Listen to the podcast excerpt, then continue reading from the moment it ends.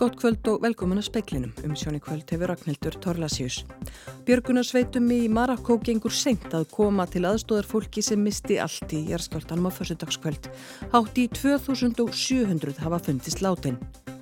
Höfuðkúpubein fundust í síðustu viku undir golffjölum í ráðherrabústanum. Geðhjálp segir að því færi fjarrri að fatlað fólk síu of þjónustad, fjármálar á þeirra sendi fölluðu fólki kaldarkvæðjur þegar hann segir að skoða þurfi hvort því sé veitt þjónusta umfram það sem lög bjóða. Setja á fullkomna gasmæla í hvern þjettbíliskjarna á Reykjaneskaga þar sem búast máið fleiri eldgósum á skaganum. Verið er að bæta viðbúnað umhverjastofnunar við eldgósum í stað þess að reddamælum þegar að gós er hafið og Laufey Lín Jónsdóttir, tónlistakonna yfir sleið með Lady Gaga og Tony Spennetta og streymisveitinni Spotify í flokki jazztónlistar. Björgunarsveitir í Marakó eru í kapplaupi við tíman að ná til fólk sem grófst í rústum húsa sinna í jæðskjálta sem reyði verið á fyrstudagskvöld. Þar hafa fengið aðstóð sveita frá fjórum erlendum ríkjum. Stjórnvöld greindu frá því undir kvöld að fjöldi látina vera nálgast 2700 og yfir 2500 hefðu slasast. En er ekkert vitað um afdrif fólks í afskektum þorpum í Atlasfjöllum. Nánar verður fjallaðum skjáltan og eftirmál hans síðar í speklinum. Höfuðkúpu beinur manni fundust í fyrri viku undir golffjölum í reysi ráþærabústæðarins við Tjarnargötu þar sem endurbætur standa yfir. Margret Hallgrímsdóttir, skrifstofustjóri í fórsættisráðunitinu, gerir ráð fyrir að beinunum hafi verið komið fyrir í húsinu eftir að það var flutt frá önundaferði þar sem að það stóð upphaflega. Þetta er hluti af hauskúpu og það er svona skálinn í rauninu nakkin uh, í tveimur brotum og það er ekki að segja mikið á þessu stíði hversu gömul beinin eru. Það mun komið ljósætt með kólefnisaldursgreiningu sem tekur nokkuð tíma að fá niðurstöður úr en við sjáum samt sem aðra þess sem er líklegt á öllum aðstæðan vegna þess að húsi var stækkað frá því þegar það er uppala byggt 1892. Þannig að það er mjög líklegt að þessum beinum hafi verið komið fyrir en það leiti sem húsi er reist á fyrsta ára til 20. aldar og við sjáum á beinunum að þetta hefur líklega verið viðkomandi einstaklingur hefur verið fullorinn mannski þegar hún deyr og öllu líkjendum kona og má ætla svona beinunum að dæma að þetta hafi verið mannski sem hefur verið eldri en 30 ára, líklega fullorinn kona, þar sé að komin á fullorins ár en það er ekki hægt að sjá neinn merkjum að það séu ykkurt annarkort högg eða ykkur sjúkdóma sem að valdi döð. Það er ekki hægt að sjá þá þessu beinulegum sem hann fundist. Þú ert fyrrandi þjóðminja, verður Margrit. Hefur ekkert um að heyrt um snáður? Þetta er óvanilagt en það eru samt dæmum það og það er til dæmis í húsu vitastíð sem komur beiniljós en það hefur er ekkert óalkent þegar að vera að gera gömur húsa að það komi ljós ykkur hlutir eða, ykkur skonar gripir eða eitthvað tákrænt sem að fólk kemur fyrir undir fjölum eða inn í veggjum. Stundum með einhverjum skilabóðum, stundum með eitthvað svona tákrænu gildi. Maður veit ekki hvað býra baki þessu en, en það er bara að geta sér til um það. En það er alltaf ekki óþægt og meira þess að eru þægt dæmi það elendis að beinum komið fyrir inn í veggjum og jafnvel í svona heimundum að sjá dæmi um það að það hafi verið gert hugsalega eitthvað skonar af einhverjum ástæðum sem að hafa með trú eða eitthvað slikt að gera. Við vitum ekki hvað býra baki hér. Takk fyrir þetta, Margret Hallgrímsdóttir. Fjármálar á þeirra sendi fölluðu fólki á bygglistum kaldar kveðjur, segir í álegtun stjórnar landsamtakana geðhjálpar. Ráð þeirra saði fyrir helgi að skoða þyrti hvort að sveitarfélagin hefðu veitt fölluðu fólki meiri þjónustu en lögkveða áum. Og svo verður að skoða það á henni saumana, eins og ég hef sagt hérna áður, að hvort að eh, verið er að veita þjónustu langt umfram það sem að laugin er að hveða áum eða efna til kostnaðar sem að ekki er sangjant að velta aftur í fangi á ríkinu. Þetta saði Bjarni Benediktsson í hátdegisfréttum á förstu dag. Stjórn landsamtakana geðhjálpar álíktaði í dag um þessi ummæli. Í álíktuninni segir að bygglistar eftir þjónustu sjö langir, starfsfólki í málafloknum á lágum launum og starfsmanna velta mikil. Þetta síni forgangsröðun stjórnvalda.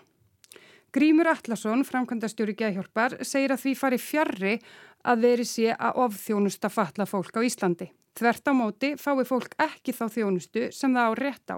Það er fólk sem er í rauninni mjög mikill í neyð og bráður í neyð sem hefur þurft að dvelja til dæmis á geðdeldum svo mánum ég vel árum skipti vegna þess að það er ekki hægt að veita þá þjónustu sem að laugin hveða á um að eigi að veita lögum réttindi fallast fólks og, og, og lög um uh, félagsdónustu sveitafélag. Ríkið segir, já við erum að veita hér fjármagni í flutning eh, málum að fallara til, til sveitafélagana og sveitafélagin segja henni það er bara ekki rétt og alltaf er á milli fólk sem fær ekki þjónustu. Saði Grímur Allarsson, Ástallín Magnúsdóttir talaði við hann. Katrín Jakobsdóttir fórsættisráð þeirra býst við að komandi þing verði viðburðaríkt. Alþingi verður sett á morgun. Fjáramála ráð þeirra kynir fjárlega frumvarpi í fyrramálið, menn fyrsta mál fórsættisráð þeirra verður frumvarpum sjálfstæða á óháða mannreittindastofnun til að hægt sé að lögfesta samning saminuð þjóðana um réttindi fatlaðs fólks. Stór mál framöndan, auðvitað vætti ég þess að efnahagsmálinn, stóra myndin í efnahagsmálum og ríkisfjármálum verði mjög áberandi og það eru þetta fyrsta málvetraðins er fjárlagafrumvarp sem felur í sér bæði mikið aðhald í ríkisrækstri og líka aukna tekjuöflum.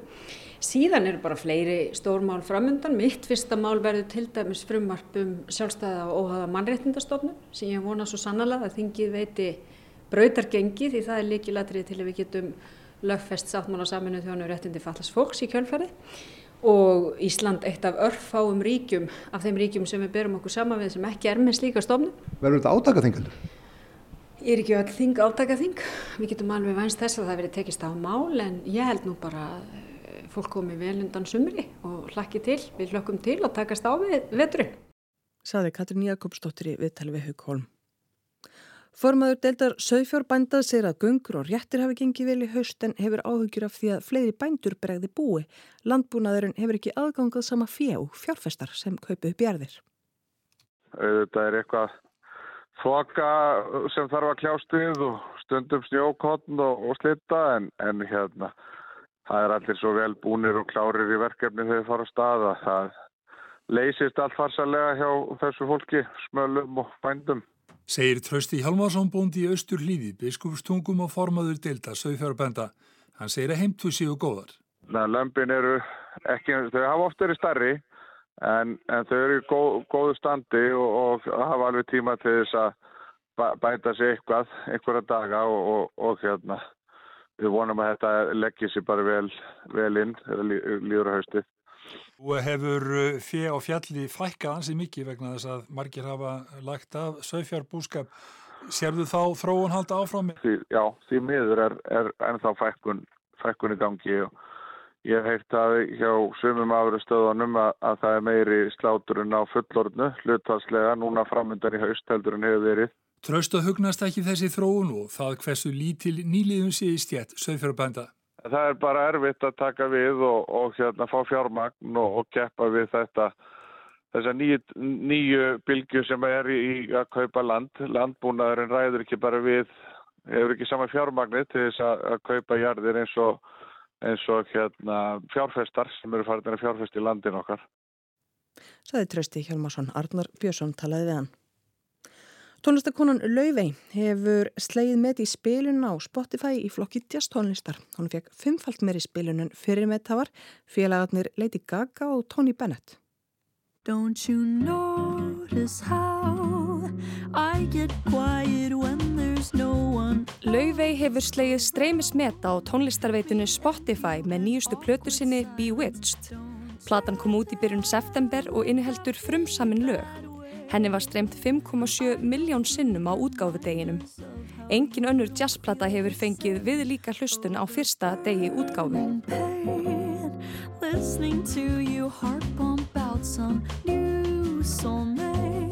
Bandarísku tónlistargoðin Lady Gaga og Tony Bennett áttu fyrra metið en komast þó ekki með tærnar þar sem laufi hefur hælana.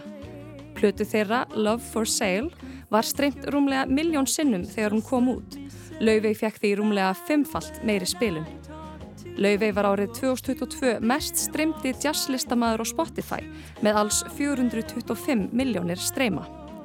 Lægið From the Start sem hljómar hér undir er langvinnsalasta lægið á plötunni og hefur farið á flug á TikTok. Laufey býr í Los Angeles og stefnun á tónleikaferðalagum Evrópu á næsta ári. Hún kemur fram á tvennum tónleikum í hörpu í mars á næsta ári og er þegar uppselt á fyrri tónleikana. Ingun Lára Kristjánsdóttir segði frá.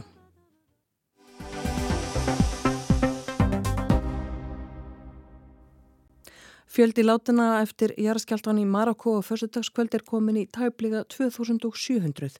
Björgunarsveitir berjast í kapp við tíman við að komast á skjáltasvæðið og aðstóða fjölda fólk sem misti allt sitt í skjáltanum.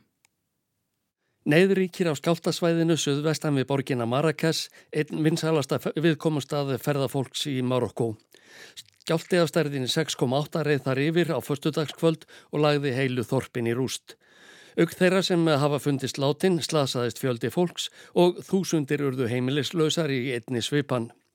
Stefan Dusjarik er talsmaður aðal framkvæmda stjóra saminuðu þjóðana. WHO, the World Health Organization, estimates about 300,000 people have been directly impacted in, in the greater Marrakesh area. Alþjóða helbreyðistofnunin áætlar að jarðskjáltin hafi valdið um það byrj 300.000 íbúum á stór Marrakes svæðinu beinu tjóni, sagði Dúsjarik á fundi með frettamönnum. Hann sagði að mest lægi á að bjarga fólki úr húsarustum. Að því loknu þyrti að hugað uppbyggingu, reysa hús í stað þeirra sem eigðurlögðust, koma lífæðum samfélagsins í lag, koma heilbriðiskerfinu á að nýju, hefja kjænslu í skólum og svo framvegis. En sem komið er, er hefur björgunarliðum ekki tekist að komast til allra þorpana í allasfjöldlum. Ekkert er vitað um ástandið en búist er við hinnu versta. Mikil fátakt er á skjáltasvæðinu, hús eru illa byggð úr leir og burðurinn fyrir enginn þegar náttúruhamfarir ríða yfir. Indisar Fakir, yfirmaður hjá miðausturlandastofnuninni í Vosingtonborg, segir að íbúar þessara þorpa séu alla jafna í litlum tengslum við umheiminn. that don't have a lot of access to schools, education, running water, sanitation and roads. Þeir hafa lítinn aðgang að skólakerfinu, rennandi vatni, almennum hreinlætisraðstofunum og umferðarmannvirkjum, segir Fakir. Innviðirnir segir hún að séu almennt lélegir og í litlum tengslum við aðra hluta landsins. Þetta gerir björgunar aðgerðir en erfiðari en ella. They're also infrastructurally not very well connected to the rest of the country, which is making some of these rescue efforts very difficult right now. Fakir bætir við að húsakostur í þorpunum í allasfjöllum sé afar bábúrin. Fólk noti í húsin þann efni við sem því standi til bóða, það er leir.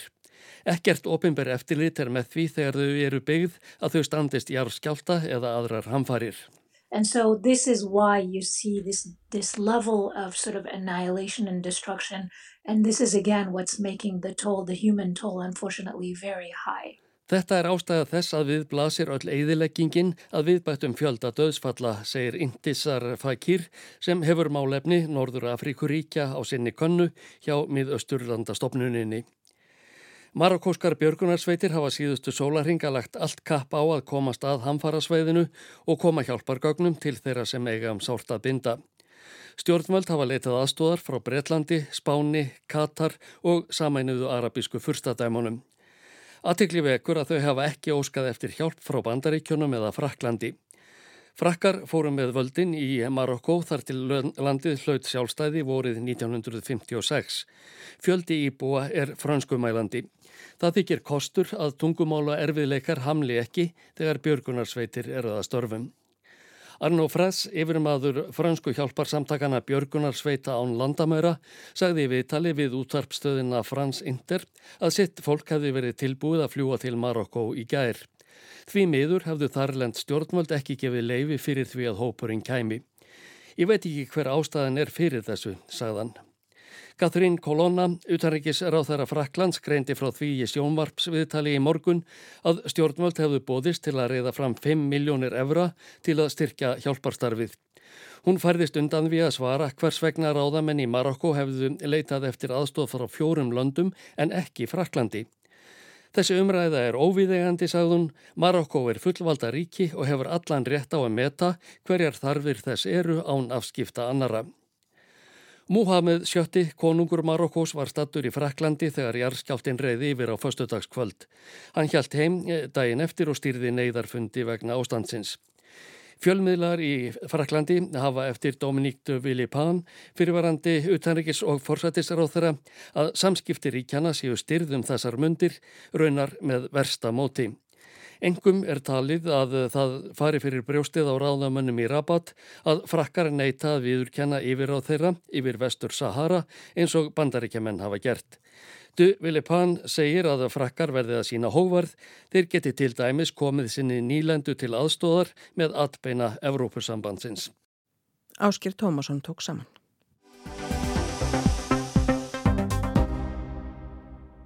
Kvika verðist komin á kreik við Fagradalsfjall og landir ís á ný. Á viðurstofunni fekk speilin í dag þar upplýsingar að mælar í nágrenni góstöða síni að land hafi risið um um það byl sentimetra frá því að gósinu við litla hrút lög í ágúst. Við fáum því vantarlega nokkuð tíma til að bú okkur undir næsta gósa á Reykjaneskaga sem þá er viðbúið að verði. Eldgósum fylgja skjáltar og kvika en lúmskasti og leiðasti fylgifiskur eldgósa er gasið. Gastegundirnar sem leysast úr læðingi geta verið varasamar í háum styrk. Nálagt eldstöðum getur gasið verið lífshættulegt en fjær getur það valdið óþægendum og verið slemt fyrir helsuna. En hverfum aftur til júlímánadar. Loftmengun frá góðstöðunum hefur mælst mest síðustu klukkustundirnar á Ísafyrði og svo í Reykjóldi í Biskupstungum eftir hádegi. Gasmengunar gæt meðal annars orði vart í Grindavík. Gasmengun frá eldgóðsunu á Reykjaneska berst nú til norðurs og austurs yfir suðvestanvert landir. Eitruðu gastegundirnar eru brennisteins tvíildi og kólefnis tvíildi. Móðu hefur orði vart viða og ekki búist við því að hún hverfi alveg fyrir ná miðvíkudag. Við erum svo undirbúið okkur í betri viðbúna heldur en hefur verið í þessum fyrri gósum. Þá vorum við svona kannski að reddi í hotn, fá lána að mæla og setja það upp í bráðbeðahúsnaði. Þorstin Jónsson, sérfræðingur loftgæðamálum á umhverjastofnun.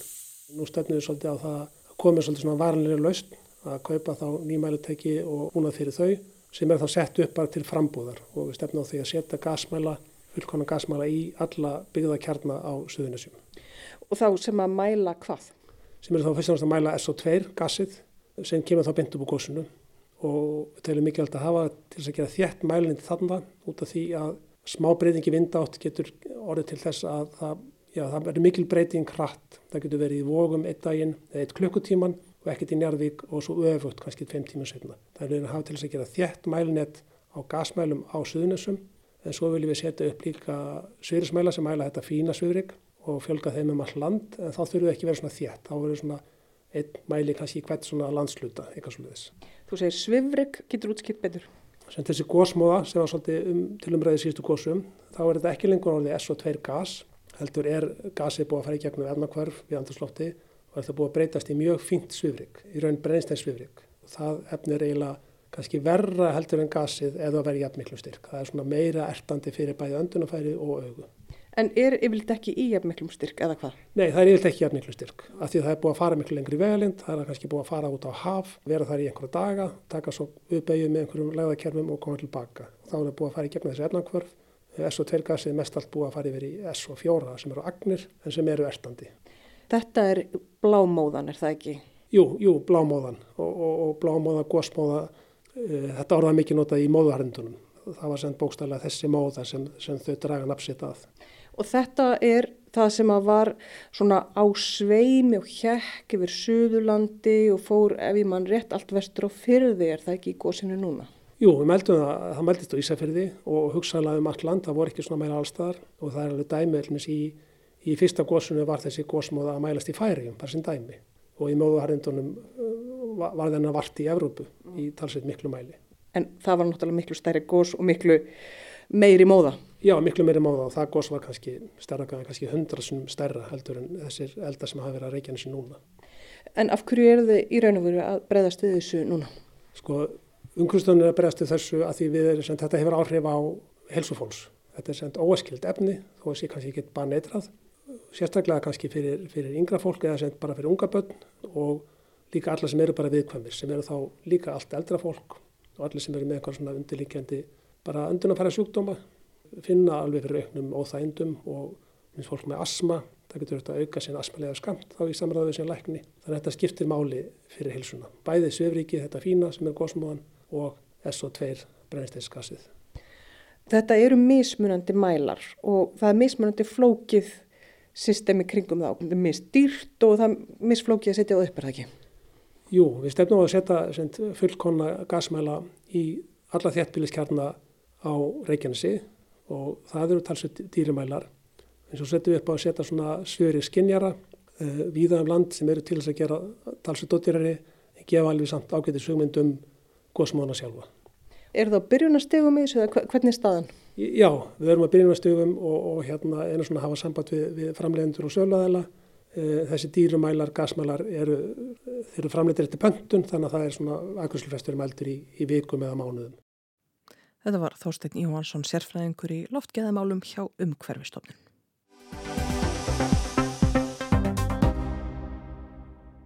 Þing verður sett eftir hátegi á morgun með hefðbundum hætti á miðugudagskvöld flyttur forsættisar á þeirra stefnuræðu sína. Hún rætt og fjárlega frumvart næsta árs verður svo kynnt á morgun og mælt fyrir því á fymtudag. Fjármálar á þær hefur bóða miklar afhaldsaðgerðir. Má búast við að það er veki viðbröð þegar þær skýrast. Í voru og sumar hefur mikið verið rætt um ágreining eða núning millir stjórnaflokkana, þá helst sjálfstæðisflokksins og vinstri hreyfingarnar græns frambóðs.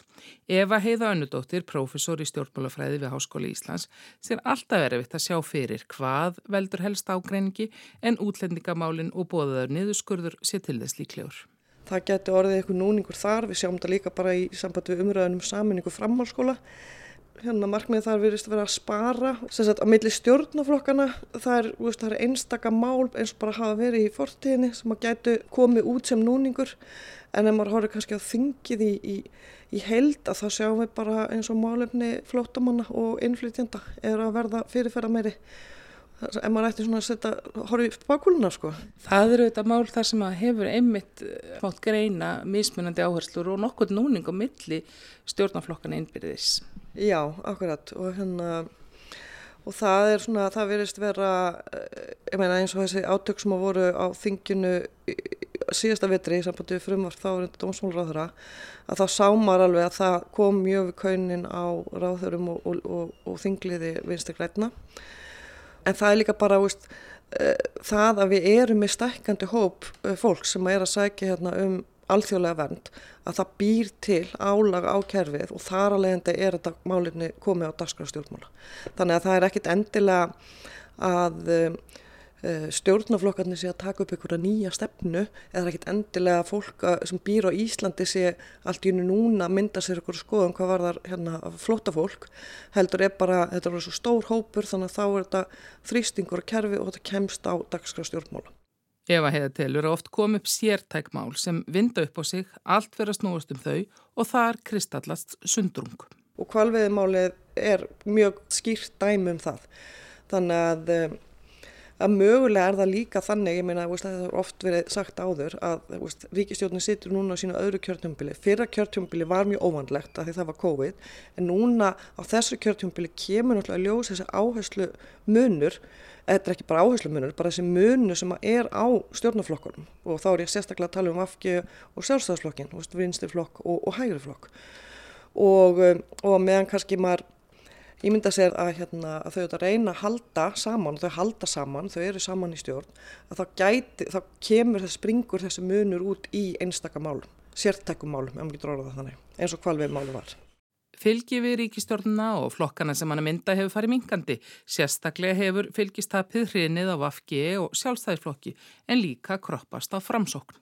Þannig að ef maður horfur í fylgiskannanir og þetta stjórnarsamstarf þá allan lítur út fyrir að það mun ekki halda. Eh, allavega ekki sem þryggja flokkastjórn. En, en úst, það eru tvö ár næstu kostningar, það gæti breyst. En það sem er kannski svona óvanlegt við þessar fylgiskannanir núna undanfarnar mánu er að þær hafa sínt þetta nokkuð stöðugt, það er að segja mingandi fylgi stjórnaflokkana, sérstaklega sjálfstæðarflokks og VFG og þetta aukna fylgi samfélkingar og yfir bara nokkuð langan tíma, í nokkuð marga mánuði og maður hefur áður séð svona sem að maður kalla svona flögt í könnunum og þá breytist það kannski frá tveimur til þreimur mánuðum. Samfylkingin er stæst stjórnaranstöðu flokkana í skoðanakönnunum eins og Eva sagði, en í þingstyrk eru hún, flokkur fólksins og píratar jöfn með sex þingmenn hver flokkur, viðreist fimm og miðflokkurinn tvo. Stjórnaranstæðan hún er, hún er sunduleitt. Þetta eru fimm flokkar sem eru í stjórnaranstöðu og, og er, sko, þeir koma ekki fram í raun og veru sem ein heild sem stjórnaranstæða. Þannig að hérna það og svo virðist líka vera sem sko í raun og veru uh, ólíki flokkar innan stjórnaranstöðunar þeir fá sem er ná aðtegli yfir veist, einhverjum ákunnum málum mm. og svo hverfa þess á milli en samfélgingin hefur náttúrulega verið mjög fyrirferða mikið undarferð bara út af því að hún hefur verið að auka svo mikið vissi í konunum. Eva telur nokkra þætti spila saman og skýra fylgisaukningu samfélkingarinnar. Eitt er náttúrulega að ríkistjórnarflokkan eru að tapa fylgi, það fylgi fer ekkert. En svo sjáum við líka að þessi fylgisauknum hjá samfélgingunni byrjar í raun og veru eftir að Kristún Frostadóttir tók við sem formaður og sama tíma þá breytir flokkurinn um áherslur og fer svona aftur í það sem að flokkurinn segir sjálfur í hérna, kjarnan á, á vinstri málefnanum. Þannig að ég myndi segja alltaf þetta þrengt saman, það, það hafi ekki verið nógu að skipta um formann, heldur hérna, áherslubreitingar í málefnum hafi skila sér í því að samfélkingin er kannski orðin svona í, í huga svona vinstri sinnar kjósenda trúverðugur kostur. Og hvorki Evropamál nýja ný stjórnarskrá eru í forgangi hjá samfélkingunni? Ekki það að við breytum stefnu í þessum málum heldur vilja forgangsa öðruvísi og fara meira í eins og jafna kjör og, og bara þessi svona klassísku vinstri málefni. Það er ekki að sjá farasnið á formunum flokkana í augnablikinu. Hvenar er gott fyrir flokk að skipta um formann? Og ef maður horfður bara í söguna þá virðist það bara, það virðist ekkit endilega að vera einhver einn góðu tími, stundum skiptir flokkurinn formann ef að, ef að flokkurinn tapar miklu í kostningum ég man líka þegar Katrin Jakobsdóttir tók við sem formadur vafki, ég man ekki alveg ákvæmlega árið að búið sem margar kostningar en þá var það mjög óvænt rétt fyrir kostningar að stengur mjög jóstægi til hliðar, hætti ekki sem þingmaður Þannig að í raun og veru hvena flokkur skiptur um leitu að það er bara, það virðist ekkit verið eitthvað svona eitt tímapunktur sem virðist vera bara að ah, þarna ætti hann að gera það. Hérna en það er alveg rétt að þessi formin, sérstaklega Bjarni og Katrín hafa setið mjög lengi og þau hafa held ég bæði sagt að þau ætla ekki að endilega verið stjórnmálum allt sitt líf en eru samt búin að vera í hvað 15 ári eða 20 ári eða, eða lengur sem þingmenn sko. Katrín alltaf hefur verið mjög vinsalt forsættis ráð þeirra en þær, þær vinsaldir hafa, miskusti núna upp á síðkast, ekki skila sér beint í fylgi við flokkin. Nei, það er um þetta áhugað með Katrínu, sko, hennar vinsaldir hafa alltaf verið í raun og veru langt út fyrir fylgi flokksins og það er stundum tala um svona ákveðna persónuvæðingu í stjórnmálum og þetta er svona einn ángi að því að í raun og veru að vinsaldir stjórnmálafóringja um, getur skipt máli. En við sjáum að þetta er alveg típist dæmi um það að að, hérna, að það skiptir ekkit endilega máli í samtöðu fylgið. En það getur klárlega skipt máli ef við tölum um Katrínu sérstaklega í sambandi við samstarf innan ríkistjórnar og mögulega úst, hennar vinsældir að það sem hún stendur fyrir gerir það kannski að verkum og hún hefur verið svona eðlilegast í leðtóin fyrir þessa ríkistjórn. En aftur að helstu átakalínum í pólitíkinni Eva myndist á útlendingamálin. Hún segir að ef hort er til Norðurlandana þá sé þróunin hér svipuð og hún var þar víða fyrir nokkrum árum. Þessi mál, útlendingamálinn, komast á dagskrafstjórnmála þegar innflytjandum fjölgar og það er að gerast núna hérna á Íslandi. Þannig að við erum bara aðeins eftir á ef við getum orðað þannig. Og það, eh, hvort að verði til einhver, einhverju flokka sem hægt er að kalla þjóðnisflokka eða auka hægri flokka líka stundu kallaða það, þá skiptir bara rosalega miklu máli raunveru, sko að það gæti verið einhver flokku sem fyrir er sem að tekur upp málefnið. Þá verður ekki til nýr flokkur. Þannig að þetta getur alveg gerst hérna á Íslandi eins og annars staðar og við sjáum svona vísi að þessu núna og það sem er kannski mikilvægt að koma, að koma fram hér að þegar við skoðum þetta á hinunarlöndunum þar sem að þessi flokkar hafa fengið auki fylgi að þá er það ekki þannig að kjósendur hafi orðið eitthvað meira móti, með meiri útlendinga andu þegar við getum orðað þannig. Það er bara málefni komið á vettvang dags og þá náðir þessum kjósundum sem kannski eru þegar með eitthvað efasemtir eða vilja hafa eitthvað harðari stefnu. Saði Eva, Heiða Önnudóttir, Anna Kristín Jónsdóttir rætti við hana. Og í við meðal annars frá því að Björgunarsveitum í Marokko gengur sent að koma til aðstóðar fólki sem misti allt í jærskjáltanum á förstu dagskvöld. Átt í 2700 hafa fundist látin og höfukúpubein fundust í síðustu viku undir golffjölunum í ráþrabústanum.